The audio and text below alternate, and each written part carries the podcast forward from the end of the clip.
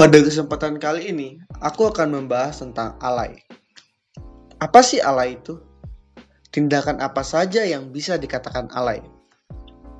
Kalau secara umum, alay merupakan stereotip yang menggambarkan gaya hidup yang dianggap norak atau kampungan bagi beberapa orang. Misalkan dalam gaya menulisnya, orang alay cenderung menggunakan gaya tulisan yang bercampur huruf dengan angka. Misalnya ya, 4KU54Y4N6K4MU. Ada yang tahu artinya apa? Ya, artinya adalah aku sayang kamu. Bangsat, alay bener kan? Atau ada juga yang mengkombinasikan huruf-huruf secara berlebihan. Misalnya, acu sayang. G-nya pakai K gitu di belakangnya. Kayaknya lagi ada banyak lagi bukan cuma satu bukan S I A N K tapi S I A N K K K K K K K. Terus ada saku sayang camyu nulis kamunya pakai C A M Y U gitu.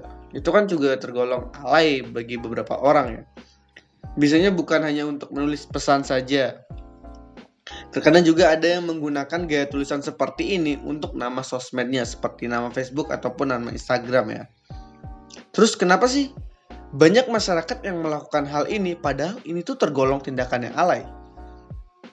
Karena pada zamannya hal ini bukanlah hal yang alay teman-teman. Hal ini dilakukan oleh banyak orang, oleh mayoritas orang sehingga hal ini menjadi hal yang normal.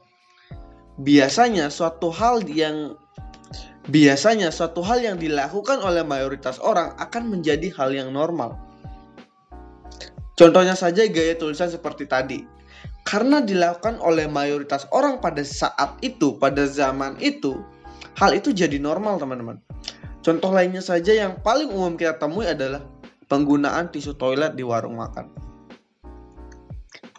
Mungkin itu merupakan hal yang normal kan bagi kalangan masyarakat seperti kita gitu, bagi kalangan masyarakat bawah seperti kita itu adalah hal yang normal. Tapi kalau di Amerika, kalau di Eropa, itu bukan hal yang normal lagi, teman-teman itu adalah hal yang paling menjijikkan. It's a very disgusting, teman-teman.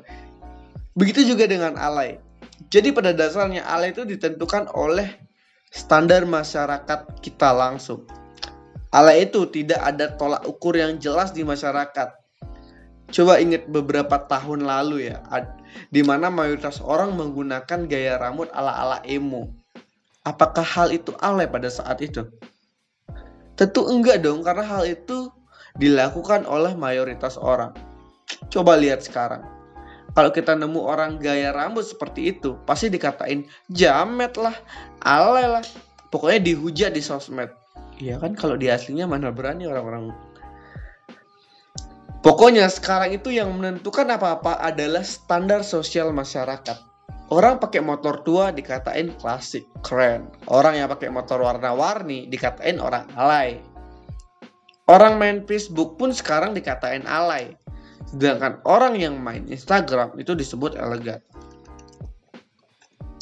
Itu berarti kita bisa simpulkan bahwa semua akan alay pada waktunya. Mungkin hal yang sekarang kita anggap keren bisa saja di masa depan nanti dianggap alay oleh anak cucu kita.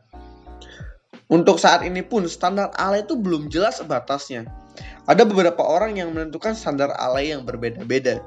Contohnya, surat cinta untuk beberapa orang adalah hal yang romantis. Tapi untuk beberapa orang juga itu merupakan hal yang alay. Memanggil mama papa pada saat pacaran untuk beberapa orang itu hal yang alay. Tapi untuk beberapa orang juga itu merupakan hal yang romantis teman-teman. Bagi aku sih itu alay sih bangsat panggil papa apalagi masih kelas 5 SD cok terus ada juga upload foto selfie editan B360 di sosial media. Editannya pakai efek kumis kucing gitu pakai telinga kucing. Itu sih alay bener ya bangsat tapi bagi beberapa orang itu ada adalah hal yang keren gitu pada zamannya aku aku rasa pun kalian pasti pernah gitu loh. Kalau aku sih enggak ya kakak aku yang pernah. Jika kita lihat dari contoh di atas sudah jelas untuk menentukan standar alay masih terbagi menjadi beberapa kubu. Karena hal yang kita anggap alay itu tuh belum tentu dianggap alay oleh orang yang melakukannya. Karena kalau orang yang melakukannya sadar itu alay, dia pasti nggak mau melakukannya. Gitu loh. Tapi jika kita tarik kesimpulan tentang orang alay, kita dapat mengetahui bahwa sesungguhnya orang yang bisa dikatakan alay adalah orang yang sering ngatain orang lain alay. Karena sesungguhnya selama tindakan kita tidak melanggar hukum apa pun, kita tidak alay teman-teman.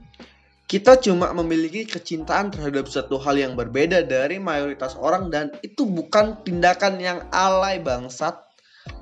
Aku sendiri mempunyai standar alay tersendiri untuk orang-orang ya. Jadi menurutku orang-orang yang alay merupakan orang-orang yang bertindak sok keren dengan menyalahi aturan yang ada. Contohnya nih, freestyle make motor cicilan orang tua di jalan yang ramai. Itu alay bangsat. Terus mabuk-mabukan sampai mengganggu ketertiban umum. Itu juga alay, Cok. Terus nih ada mainin perasaan orang biar dikira paling laku. Itu sih peri peri very very alay. Itu sudah level tertinggi dari alay teman-teman itu bukan keren lagi gitu jadi fuckboy jadi fuck girl jadi flyboy itu bukan hal yang keren please dah berhenti memainkan perasaan orang lain karena itu alay. Oke, itu dulu episode kali ini. See you in the next episode.